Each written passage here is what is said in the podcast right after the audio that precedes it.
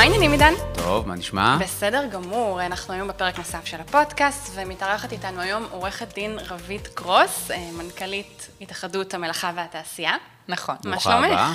אה, שמחה מאוד להיות כאן, מאוד מתרגשת. איזה כיף. שמחים אה, שאת פה. ויש לנו היום הזדמנות באמת לדבר עם מי שפוגשת, אפשר להגיד, מעל 100 אלף עסקים קטנים, נכון, שרשומים אצלכם? זאת נכון. אומרת שאת פוגשת המון בעלי עסקים, אה, המון עסקים מכל מיני סוגים, ואת היום יכולה לספר לנו מה קורה, איך זה נראה, לא רק מקרב אה, אה, המבט של אה, בעל עסק אחד, אלא בנצ'מרק של המון עסקים, אה, עסקים מאוד שונים ומגוונים, ואנחנו נשמח מאוד לשמוע. נתחיל במה שלומך. אה, בסדר גמור, איזה כיף, כיף להיות כאן. מצוין. אז אה, אולי באמת ככה נתחיל לצלול לנושא הזה של אה, אם אנחנו רוצים לעשות פוקוס על אתגרים שאתם פוגשים בפעילות שלכם, שמשותפים באמת להרבה בעלי עסקים, אם אנחנו רוצים לנסות להבין לאן לצלול, מה בעלי עסקים צריכים לעשות כדי להשתפר, ואיפה כולם פוגשים את אותן בעיות אה, משותפות. אז איפה, איפה היית מציבה אותן? אז זו שאלה ממש ממש טובה. אני ככה אלך שנייה אחורה ואספר שאני לא יודעת אם הרבה אנשים יודעים, אבל רוב העסקים בישראל, למעשה 97% מכלל העסקים בישראל הם עסקים קטנים ועצמאים, שזה המון, זה 600 אלף בעלי עסקים, זה באמת המון. אנחנו רואים שאחרי תקופת הקורונה, אה, ועם כניסת דור ה-Z אה, לשוק העבודה וכלכלת הפלטפורמה, אנחנו רואים שבעצם השוק העבודה באופן עקרוני השתנה. הרבה מאוד עסק, אה, אנשים אה, בעצם החליטו שהם לא רוצים להיות שכירים. אה, דור הזה הבין שהוא רוצה לאזן בין הקריירה לבין הבית, ולא כל היום לעבוד מתשע עד חמש, ככה כמו ההורים שלנו שעבדו אה, באותו מקום עבודה עד גיל הפנסיה. הם רוצים להיות ככה, לאזן בין הבית לקריירה, ובנוסף לזה הם רוצים גם לתת לעצמם, לעשות לעצמם. ואנחנו רואים באמת אה, פתיחה של הרבה מאוד עסקים קטנים, פרילנסרים, עצמאים, בכל מיני תחומים. אנחנו יכולים לראות את זה גם כשליחי וולט, גם כמשפיעניות, גם כיוצרות תוכן. אנחנו רואים באמת פריחה של המון המון עסקים קטנים ועצמאים. זה נראה שגם אה, סוג העסקים הקטנים פתאום הפך להיות מאוד מגוון, נכון? כי בעצם אפשר לקחת כמעט כל קישור ולהפוך אותו לעסק היום, בזכות אולי הפלטפורמה וכל נכון. הסושיאל. אה, וגם אני חושבת שיש היום איזושהי פתיחות בשוק העבודה בכלל, לעשות כמה דברים בו זמנית, ואולי לא, דיברנו על זה בשניונת לפני, אבל לשלב עיסוקים ולעשות כמה דברים, ופתאום הפוקוס הזה על להיות בעל עסק הוא כבר לא משהו שצריך להזיז בהכרח את כל עיסוקיך האחרים, אלא אפשר לעשות את זה במקביל, ואולי בגלל זה גם יש פריחה במספר העסקים הקטנים. נכון, נכון מאוד, ואני אומרת שגם שוק העבודה מראה, וגם זו מגמה שהיא בעולם, שהיום השכירים לא יהיו רק במקום אחד, אני יכול להיות גם שכיר בכמה מקומות, או אני יכול להיות גם שכיר וגם עצמאי, כלומר אנחנו ממש רואים אחרי הקורונה, ושוב עם כניסת דור ה-Z, שינויים אה, ממש בשוק העבודה, המבנה של שוק העבודה השתנה, והיום אנשים הולכים באמת לכיוון כמו עכשיו, שאמרת. לגבי, ה- לגבי השינוי, מורן ואני באחד הפרקים דיברנו על המושג הזה שנקרא סלשר, שזה לעשות גם וגם וגם. השאלה, אה, אותם, אותם אה, אה, שכירים שהחליטו שהם רוצים להיות עצמאים, יש לכם איזשהו מעקב כמה מהם באמת מצליחים להחזיק לאורך זמן, או ש... כן, אנחנו שהוא- יודעים שהשנים הראשונות הן שנים קשות, ולכן אצלנו בהתאחדות באמת נתנו להם איזושהי מעטפת שיכולה לעזור לכל בעל עסק קטן. אתה יודע, נגיד, נגיד אה, מנכ"ל של חברת אוסם, אוקיי? הוא, אם יש לו איזושהי בעיה, יש לו סוללה של עורכי דין, לוביסטים, רואי חשבון, תמיד יש לו מישהו לשאול ו- ולהתייעץ איתו. אבל בעל עסק קטן, הרבה פעמים הוא one man show, הוא עושה את הכל לבד. אה, וזה קשה, זה לא קל. ולכן הקמנו מערך כזה שיכול לעזור לו בכל תחום שהוא צריך, בין אם זה ייעוץ משפטי, שיכול ללוות אותו לא רק בייעוץ, אלא גם ממש בייצוג משפטי. כאילו שיש לו עורך דין בריטיינר אצלו בעסק. יש לו חוזה שהוא צריך לעבור עליו, או עם ספקים, או לקוחות, או דברים כאלה, הוא יכול לבוא, אה, ועורך דין פשוט עוזר לו בכל זאת אומרת, התחום אתם הזה. יושבים איתם וממש פותחים בפניהם את הכל. כל ההתמודדויות שהם צריכים לעבור. כי בדיוק. זה, כי אנחנו מכירים ש, שיש לא מעט בירוקרטיות הרי שצריך לעבור ב, מרגע שמחליטים לפתוח עסק. נכון. זה תהליך שהוא לא, שהוא לא כזה פשוט, ואתם ממש פורסים בפניהם את הכל. יותר מזה, גם אני אומרת לך, אפילו ממש נכנסים להם לעסק, במידה והם מעוניינים. יש לי לדוגמה קוסמטיקאית שאמרה לי, תשמעי, יש לי עסק, הכל סבבה, פתאום הם ביקשו ממני אה, לעשות איזושהי הרצאה בירושלים, אבל אני לא יודעת איך לתמחר את זה. אני רוצה את ההרצאה הזאת, אני רוצה לעשות איזו, הרצאה, אפילו קורס בירושלים.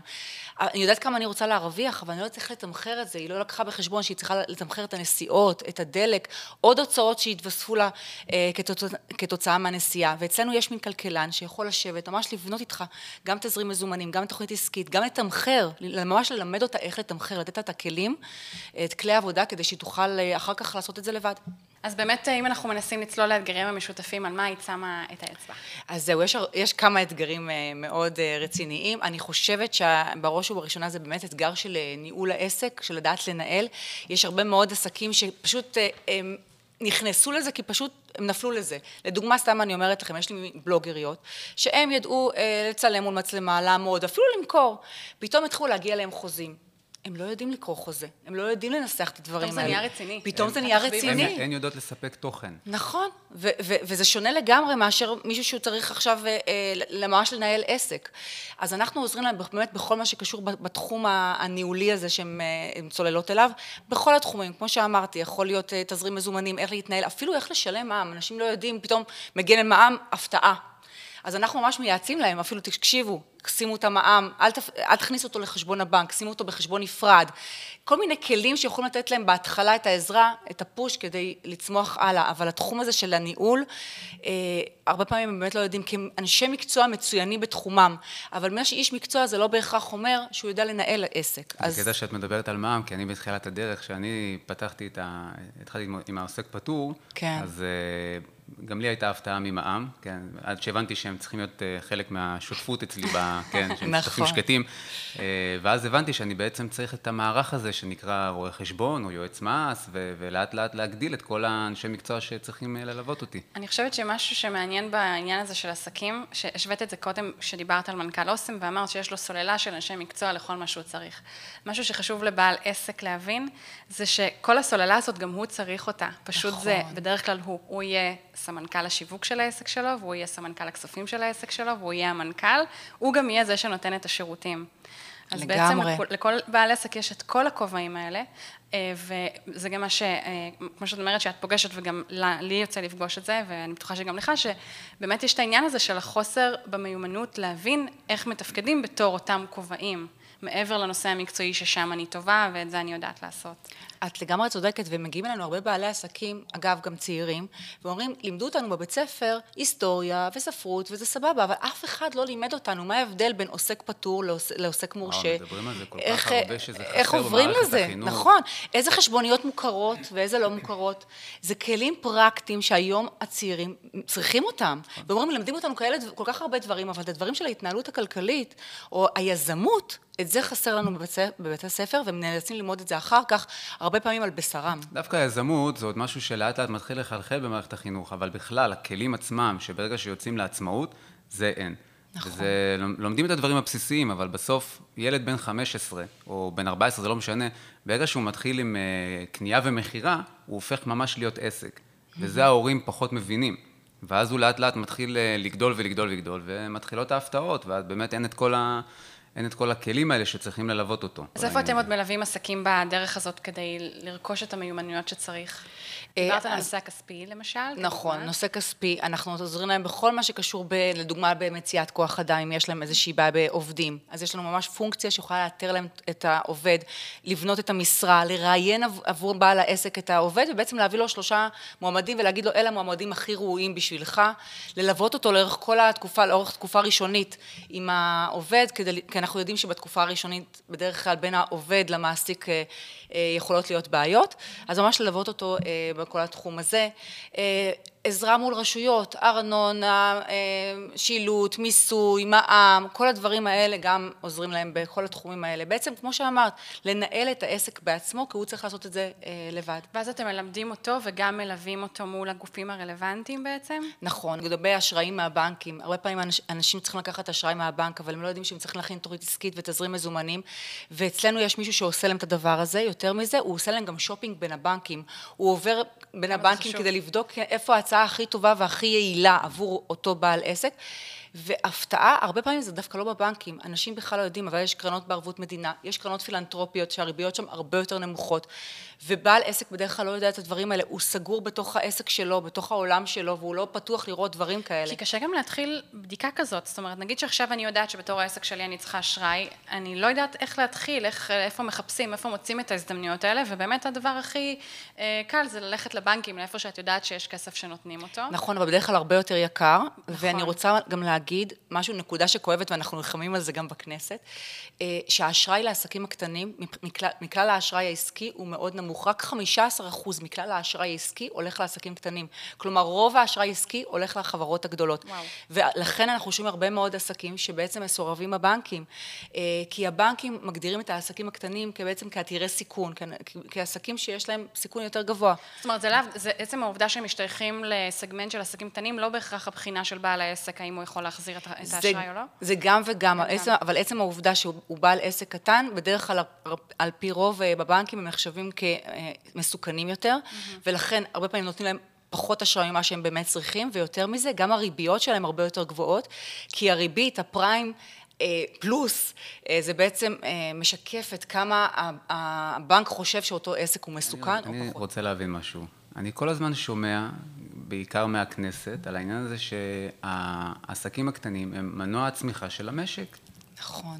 אז, אז, אז איפה, איפה בעצם באים לקראת, אם את מספרת פה ש-15% הולך לעסקים וכל השאר לחברות הגדולות, איפה באמת באים לקראת העסקים הקטנים פה? יואו, עידן, אתה, אני אומרת לך, אתה קולע בדיוק לנקודה. זה משפט שמחרפן אותי, העניין הזה, שכל כן. כך מדברים על זה כי, ודוחפים את זה, אבל... כי תחשבו כמה, אם זה היה יותר מ-15 אחוז, איזה, איזה תרומה זה באמת ברור. היה מוביל, זה היה נכון. קטר שמוביל את כל ה... ואנשים היו נלחמים יותר בשביל להצליח יותר ולעשות יותר, ומצד שני זה רק מייאש אותם. זה בדיוק מה שאמרנו, ש-97 אחוז מכלל העסקים בישראל הם עסקים קטנים. המדינה כל הזמן אומרת, אתם עמוד התווך של הכלכלה הישראלית, ובפועל, בפועל, בפועל, באמת לא עוזרים להם. לא בדבר הזה ולא בעוד דברים אחרים. כאן, לדוגמה, בנושא של אשראי, אמרנו להם, בואו, תוציאו אשראי חוץ-בנקאי, תפתחו לכמה שיותר, כדי שאותם עסקים, גם אם קיבלו לא מהבנקים, הם יוכלו לקבל את הכן במקומות אחרים. אבל זה בירוקרטיה, ועד שהדברים זזים כל כך, כל כך קשה, וזה באמת עצוב. אז רק נגיד שגם בזירה הזאת, הציבורית, אתם בעצם פועלים, זאת אומרת, לא רק מול העסקים, אלא גם מול, אה, נקרא לזה, מקבלי החלטות. נכון, והרגולטורים, נכון. אני יכולה להגיד, בעיה שדיברת על אתגרים, אז בעיה שאנחנו פועלים אה, מול, מול חברי הכנסת, זה רשת ביטחון סוציאלית לעצמאים. איך זה הגיוני שבעל עסק עצמאי חולה, הוא לא יכול להיות בבית, הוא לא יכול לקבל מחלה, לעומת שכיר שכן יכול להיות בבית ולקבל מחלה. אה, אותו דבר, פנתה אליי מישהי שהיא, אה, אה, גם יש לה עסק לעיצוב תכשיטים, והיא צריכה להיות בשמירת הריון. אם היא הייתה שכירה בשמירת הריון, לא הייתה לה בעיה, אבל ברגע שהיא עצמאית בשכיר, בשמירת הריון, אז היא לא מקבלת כן. כלום. אז רשת הביטחון הסוציאלית הזאת היא מאוד מאוד נדרשת, שלא לדבר על דמי אבטלה. אה, בעל עסק יכול לסגור את העסק, את העסק כמו ששכיר מתפטר מה, או מפוטר מהעבודה. ולמעשה הם לא מקבלים שום דבר. אנחנו עובדים על רשת ביטחון סוציאלית, כי, כי העצמאים משלמים ביטוח אה, לאומי כמו כל אחד מהשכירים. כן. ועדיין אנחנו מרגישים שהם מופלים לעומת השכירים, mm-hmm. ואנחנו עובדים על איזשהו מתווה של רשת, רשת ביטחון סוציאלית, גם זה לא קל, אנחנו עובדים על זה כמה שנים. אתם רואים אופק עם זה? כן, זהו. יש, זהו. אה, יש סיכוי, את אומרת? אני, אני אומרת שכן, כן? אני לא מתייאשת אף פעם. בשורה אופטימית, עידן. לא, זה לגמרי בשורה אופטימית. כן, אבל חשוב לי מאוד, אני חושבת שזה גם ידרבן הרבה יותר אנשים לפתוח עסקים ולהיות יזמים, אם הם ידעו שיש להם את השקט הנפשי הזה. הרשת ביטחון סוציאלית בעצם נותנת איזשהו שקט נפשי כזה, שאם חס וחלילה יקרה לי משהו, לפחות יש לי את הכמה חודשים ככה להשתקם. להשתקם ולעבור הלאה כמו שצריך, ולא להישאר אולי עם הקביעה והנפילה הקשה הזאת, שגם מרתיעה אנשים טובים ומוכשרים לנהל עסקים. נכון. כי זה חוזר לאותו דיון שאמרנו קודם, אולי אני לא לגמרי, אין לי עדיין את הכלים הניהוליים, אבל אני באמת טוב, ולמה שזה לא יגיע לאחרים ויהיה חלק ממה שמניע את המשק. נכון, נכון מאוד. בדיוק ככה. זה לא הגיוני גם ש... שעצמאי מפחד, יפחד להיות חולה, לשבת בבית, שבזמן הזה הוא מפסיד את הפרנסה שלו בחוץ. זאת אומרת, יש פה הרבה דברים שצריך באמת, אה, שצריך להילחם עליהם. אני, נכון. אני קצת אה, הסתכלתי בפייסבוק אצלכם, וראיתי שם אה, הרבה דגש על העניין של שיווק. Mm-hmm. אז, אז איך, איך בעצם אתם עוזרים לאותם עצמאים בנושא הזה? את סופר צודק, היום חייבים שיהיה שיווק, זאת אומרת עסק שהוא לא משווק בעיקר בדיגיטל, הוא כמעט לא קיים. אה, ושוב אני אומרת, יש הרבה מאוד בעלי עסקים שמתמחים בתחום שלהם, שיווק הם לא יודעים לעשות. אנחנו ממש, יש לנו איש שבונה איתם תוכנית שיווקית עם לוח גאנט, מסודר, למה לעלות. קודם כל מגיע אליהם לעסק, בוחן את העסק, מה מתאים, מה לא מתאים. יושב, יש ימי, הוא קובע איתם ימי צילום, מצלם איתם את הסרטונים שצריך, ממש מנגיש את החומר הזה, ואנחנו רואים באמת עסקים שעלו בצורה משמעותית בטראפיק שלהם, אה, מאז שבעצם הם עלו לש... לערוץ הדיגיטלי, הם התחילו לפרסם את עצמם, כי עסק שלא נמצא שם... הקהל המבוגר יותר גם אה, בעניינים, אז זהו, או הקהל... שאיתם קצת פחות... אה? נכון, זה בדיוק הנקודה. הקהל המבוגר הוא לא נמצא שם, אבל לאט לאט הוא מבין שאם הוא לא יהיה שם, אז הוא לא, הוא לא יתקדם. אני רוצה להגיד לך שדווקא הקהל המבוגר היום מבין, אה, מבין את זה יותר ויותר. יש לי בעל מפעל שהוא עושה סוכרזית, אתם מכירים את הסוכרזית בשקיות האלה כן. עם, כן, האבקה? הוא ייצר הרבה שנים סוכרזית, ואז הוא ראה שיש מתחרים, ושלא לדבר על היבוא מחו"ל בכלל, אז בעצם הוא אומר לי, תשמעי, המכירות שלי הלכו וירדו, אנשים לא קונים סוכרזית, לפחות לא אצלי, כי המחירים שלי פה בישראל הרבה יותר יקרים. אה, וישבנו וחשבנו מה לעשות איתו, והכנסנו מישהו בעצם, אה, יועץ חדשנות ומהנדס מזון לתוך העסק שלו, ובעצם יצרנו איזשהו משהו חדשני. את אותה סוכרזית, במקום באבקה, ב... זה ייראה כמו נשיקות קטנות, אה, כמו כן. עוגיית נשיקות, אבל בקטן. ואז אפשר לשים את זה... נכון, ואז אפשר לשים את זה על הקפה, ואז זה יימס, אוקיי, עוגייה בצד. מאז שאותו טכנאי הגיע למפעל ובעצם יצר, את, שדרג את המוצר, זה אותו מוצר בדיוק, לא השתנה שם שום דבר למעט הנראות של המוצר, או איך הוא, איך הוא מוגש בעצם. עלו המכירות פלאים, כל המסעדות, הברים, המלונות, כולם קונים ממנו. מה שרציתי להגיד זה שבעל עסק חייב להתחדש וחייב להיות בעולם הזה. אם הוא ככה טומן את הראש בחול, זאת בעיה. אז בעצם זה נשמע שיש לכם מאגר עצום של אנשי מקצוע כמעט בכל תחום, שכל בעל עסק לפי הצרכים שלו יכול לבוא, להגיד לכם איפה האתגר שהוא רואה את ה, כרגע בעסק שלו, ואתם ממש תתאימו לו את היועצים הרלוונטיים. נכון, וגם יותר מזה, אנחנו נמצאים ביחד עם עמותת 8200, עשינו איזשהו מיזם משותף. עמותת 8200 זה בעצם עמותה של אה, אה, יוצאי יחידת 8200, שהם בעצם בתפקידים מאוד מאוד בכירים במשק, והם יהיו בעצם המנטורים של בעל העסק. הם מגיעים אליו לעסק בתור ממש יורדים לבעל, לעסק עצמו, לומדים את העסק, לא מחכים שבעל העסק יגיד איפה אני לא בסדר או איפה אני חלש, אלא הם בוחנים מה נקודות התורפה שלו, ואחר כך בונים איתו תוכנית ומשווקים יועץ לכל אחד מהחולשות, שהוא מלווה אותו בכל אחד מהתחומים. אז בעצם מין משהו הוליסטי כזה כדי להרים את העסק למעלה. אז אולי באמת תתני לנו איזושהי סקירה של איך זה עובד מצד בעל העסק, עסקים שרוצים, מעוניינים, מרגישים שיש להם צורך, איך הם פונים אליכם ואיך זה עובד מבחינת נכון, אז הם יכולים לפנות אלינו או בפייסבוק או באינסטגרם או כמובן בטלפון, אה, זה התאחדות המלאכה והתעשייה. אה, אנחנו עמותה ללא מטרת רווח, נורא חשוב לי להגיד, כולם אצלנו בהתנדבות, למעט השדרה שלי שזה עשרה אנשים שעובדים, כולם בהתנדבות. משלמים דמי חבר, דמי חבר בסך, בסכום של, זה דיפרנציאלי בהתאם לגודל העסק, אבל זה פחות או יותר משהו כמו 50 שקלים בחודש, תחשבו, כוס קפה בארומה, ויש לך את כל המעטפת הזאת שאתה צריך אה, לעסק.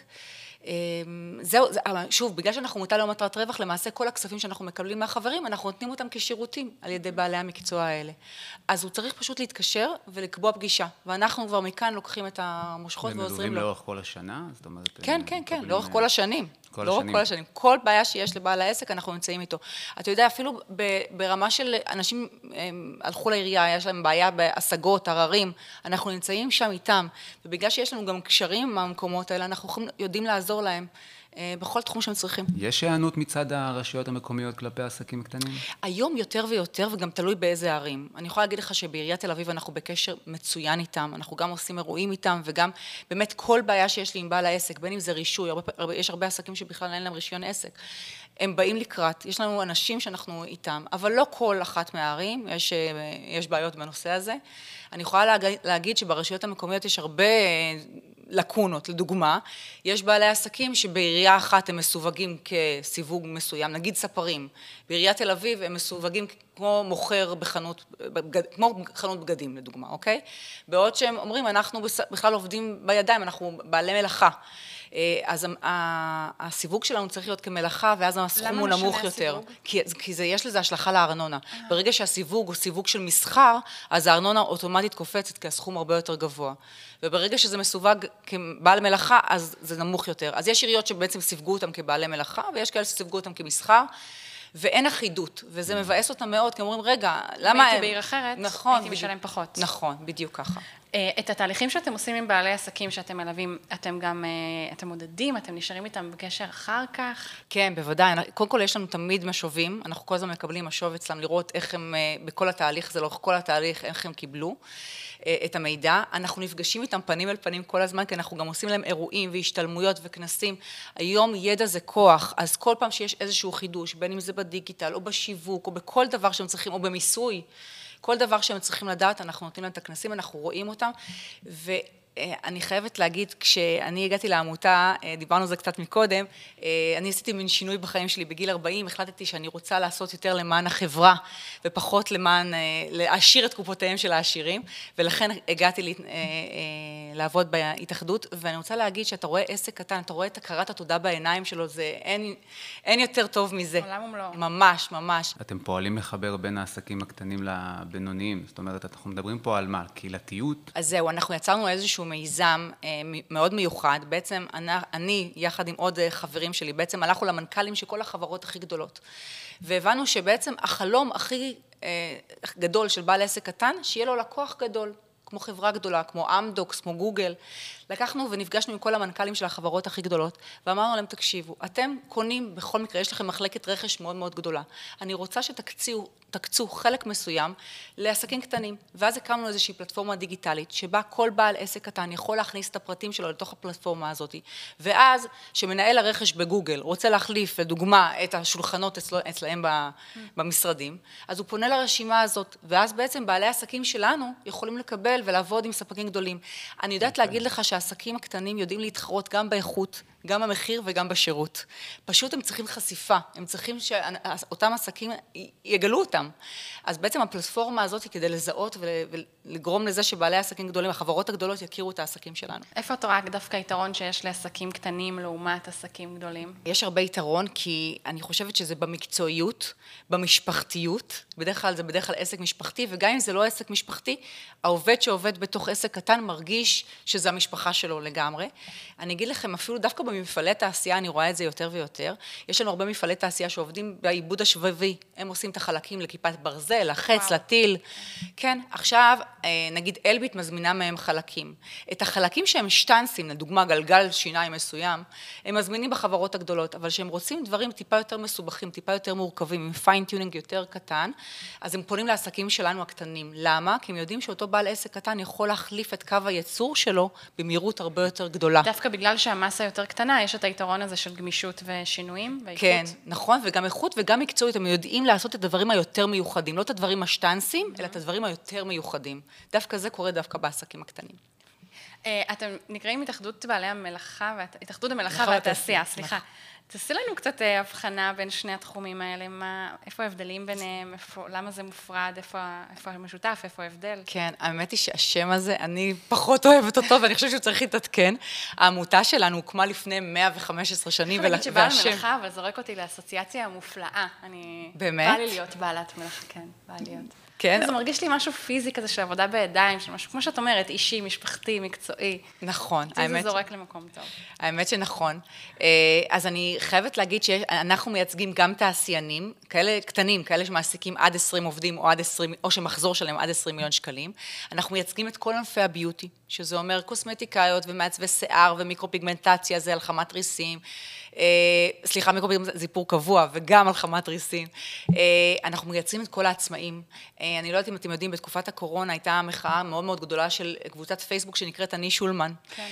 אנחנו בעצם התחברנו איתם, לא עם, עם מי שהלך לפוליטיקה, כי אנחנו א-פוליטיים ולא מפלגתיים, אז לא עם החבר'ה שהלכו לפוליטיקה, דווקא עם העצמאים האקטיביסטים שרצו לשנות את תמונת המצב של העצמאים בישראל.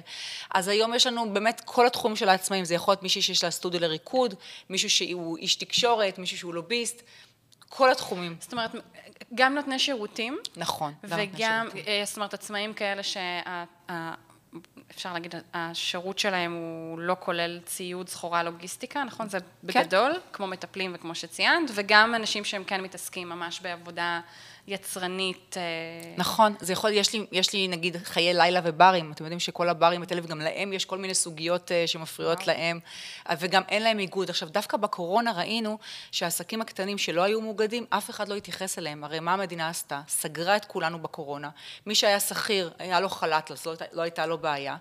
אבל עצמאים פתאום גילו שהם לבד, והתקשרו אליי עסקים ואמרו לי, תשמעי, יש לי 200 שקל וערב פסח ואין לי איך ללכת לסופר. אז פתאום הבנו את הצורך של לאגד גם עסקים קטנים. איך אתם אבל נערכתם? אה, זה באמת, קודם כל... בתקופה כזאת ש... זה ממש צונאמי של בעיות, ואיך... נכון. איך אני רוצה להגיד? לך שזו הייתה באמת תקופה מאתגרת, הרבה אנשים פרחו בתגובה, בתקופה הזאת ובישלו, הייתי רואה באינסטגרם וזה, בישולים. אני עבדתי כמו חמור ממש, היינו כל היום על הקו של הכנסת, כי היינו צריכים לשכנע את מקבלי ההחלטות לתת מענקים לעסקים האלה, כי לכתחילה הם לא רצו לתת מענקים, הם לא ידעו כמה כסף הם יצטרכו לתת, לאורך כמה זמן זה יהיה, ובכלל, מה הקריטריונים, באיזה עסק לתת ולאיזה עסק לא, כי סך הכל... תקציב המדינה הוא מוגבל. אז היינו ממש צריכים ללכת ולשכנע אותם. וכל מה שראיתם בחוץ, ההפגנות, אה, זה הדבר שאנחנו גרמנו. כי הבנו שהם לא נענים לפניות שלנו ולא הייתה לנו ברירה, אלא לצאת החוצה להפגנות. הגשנו בג"צים בכל מיני תחומים. לדוגמה, בג"ץ ימי הבידוד. המדינה החליטה שבידוד זה מחלה, ואז הטילה את כל התשלום של ימי המחלה על המעסיקים. המעסיקים אמרו, אנחנו לא יכולים לשלם את הדבר הזה, ובידוד זה לא בהכרח מחלה. היינו חייבים ללכת להגיש בג"ץ בנושא הזה. באמת, זו הייתה תקופה, הייתה תקופה מאוד מאוד מאתגרת. מה שכן, הקמנו גם חמ"ל אצלנו, ועסקים שראינו שאין להם כסף, גם חילקנו סלי מזון, וזה הכי כואב הלב, כי אתה רואה בעל עסק, שאתה מביא לו. את סל המזון הביתה, אתה רואה בית שהוא נראה טוב, זה לא בית של מישהו שאין לו כסף, אבל פשוט בבת אחת הוא ירד מנכסיו, הוא פשוט סגרו אותו, והמדינה לא, לא התייחסה. שוב, כמו שאתה אומר, המדינה פשוט הפקירה אותם, וזה באמת היה כאב לב לראות את זה. לאן אנחנו הולכים קדימה? איפה המגמות? מה, מה הנושאים שעליהם אתם, שנמצאים עכשיו על שולחנכם? קודם כל, מאוד מאוד מאוד חשוב לי שהמדינה תכיר בדבר הזה בעצמאים. אז רשת ביטחון סוציאלית מבחינתי זה must, זה משהו שהוא לא יכול להיות בלי. ולי מאוד מאוד חשוב שהמדינה קצת תקל עליהם. אני רוצה לספר לכם שאנחנו עכשיו אה, יזמנו איזשהו חוק שמדבר על מסלול מיוחד לעסקים אה, פטורים, שבו בעצם עסק, אה, עסק פטור יכול לבחור בין שני מסלולים, או מסלול אחד מבחינת מיסוי, או מסלול אחד זה מסלול רגיל כמו עוסק מורשה, שבו הוא בעצם יכול אה, אה, לדווח על כל ההכנסות שלו ועל כל ההוצאות שלו ולהתקזז במע"מ. כמו עסק עוסק מורשה, או לחילופין, לא, לש, לא, לב, לא לשלם מע"מ וגם לא לדרוש מע"מ, אבל אז כן להכיר בחלק ניכר מההוצאות שלו, שהיום בכלל לא מוכר, אבל בגובה של 30 אחוז. אז זה משהו שקידמנו, כי הבנו שגם עוסק, עוסק פטור, גם לו יש הוצאות, והיום המדינה כביכול לא מכירה בהם. אז ההצעה מדברת על זה שצריך להיות מסלול מיוחד, שגם היא תכיר בעוסקים פטורים אה, בהוצאות שלהם.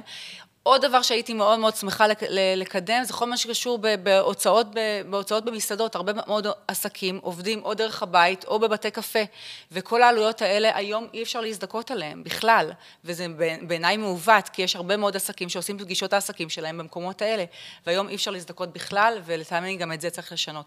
אז אני, מה שחשוב ומה שהייתי רוצה זה שהמדינה טיפה תשנה את הדיסקט, תבין שצורת ההעסקה השתנתה היום, יותר ששוק לכיוון העבודה... שתפתח את הראש. בדיוק. לכיוון, אה, כן, נכון. לכיוון אותם עסקים. שוק העבודה השתנה, היא צריכה להכיר אני, את זה. אני רוצה לגעת בנושא ש, שדיברת עליו בהתחלה, והוא הוא באמת, לי מפריע באופן אישי, העניין של גיוס עובדים. Mm-hmm.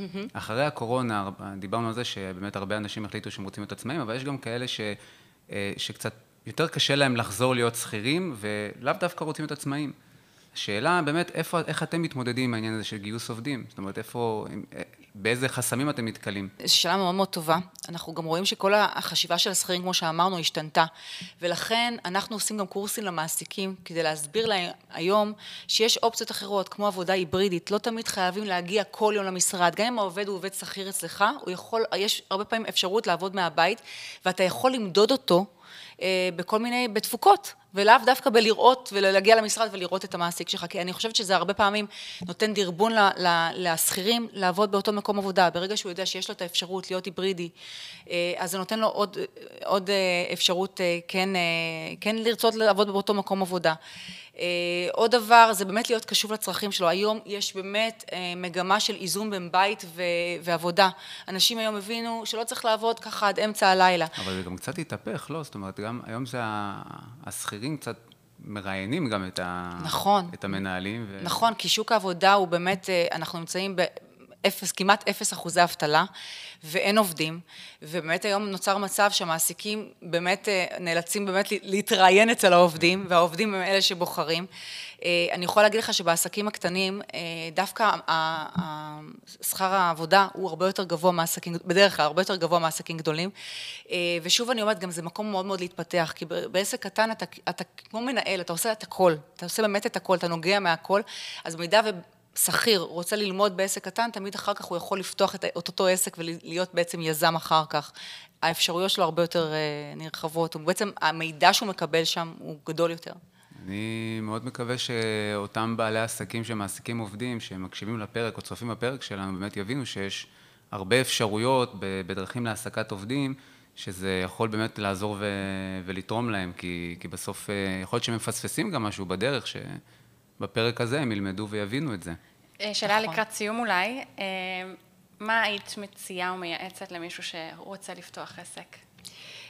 הייתי מייעצת לו קודם כל להיות מקצוען בתחום שלו. זה, זה א', ב'. מישהו שהוא לא מקצוען בתחום שלו, באמת, עדיף שלא יהיה, שלא יהיה בעל עסק, כי זה לא קל להיות עסק עצמאי. וכל הסטיגמות, כאילו שאני יושב בבית, ולא, זה לא ככה. הוא להפך, הוא עובד מאוד מאוד זה קשה. זה כל כך לא ככה. זה ממש לא ככה. הוא עובד... פחות להתאפס על מה שרואים ברשתות החברתיות, שהכל נהיה מהר ועשירים נכון. בשנייה, אלא להבין שזה באמת דרך. ממש ככה, וגם על כל סרטון שאתם רואים באינסטגרם, עבדו על זה הרבה, חשבו על זה, ממש יש תוכנית עבודה ולוח גאנט לכל דבר, אז באמת חשוב מאוד אה, לדעת שאתה צריך להיות מקצוען ולאהוב את מה שאתה עושה, דבר ראשון. דבר שני, אני כן חושבת שהם צריכים, אה, כמו ש, ש, שמורן אמרה, צריך באמת לעשות את, לקחת יועצים לכל תחום, לדעת לנהל את הדבר הזה, כי ניהול של עסק, הרבה פעמים עסקים נופלים הם היו מקצוענים, אבל הם לא ידעו איך לנהל בצורה טובה את העסק שלהם. אז לקחת עזרה וסיוע, וזה יכול להקפיץ לך את העסק ממש מנקודה A לנקודה B, אה, וזה סופר חשוב. שגם כאן חשוב לי להגיד משהו שהוא אה, עבורי מאוד מאוד בוער. אה, יועצים מקצועיים הם אמורים ללמד, להכשיר, ללוות, לעזור, ולא לעשות במקום. ברור. בסופו של דבר, העסק הוא של בעל העסק, והוא זה שנושא באחריות, והוא זה שצריך לשלם לרשויות המיסים, ולתת דין וחשבון, ולעמוד מול הלקוחות שלו, והוא זה שנושא באחריות. אז כמה שיותר ללמוד ולהבין ולהיעזר, ומתוך הנחה שהמיומנויות האלה הן גם צריכות ללוות אותו אחר כך. כן, לתת את החכה ולא את הדגים. בדיוק. גם, גם בנקודה של המעורבות, זאת אומרת, גם שיש לנו את היועצים שמלווים אותנו, עדיין אני חושב שהאחריות של בעל העסק זה להיות מעורב בכל צעד וצעד שעושים.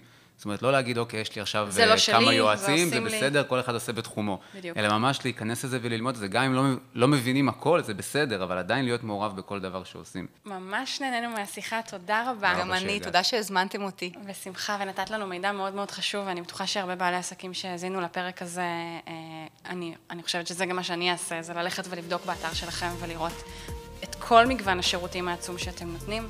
אה, המון המון תודה שבאת. תודה רבה. תודה רבה. תודה רבה, עידן. תודה רבה.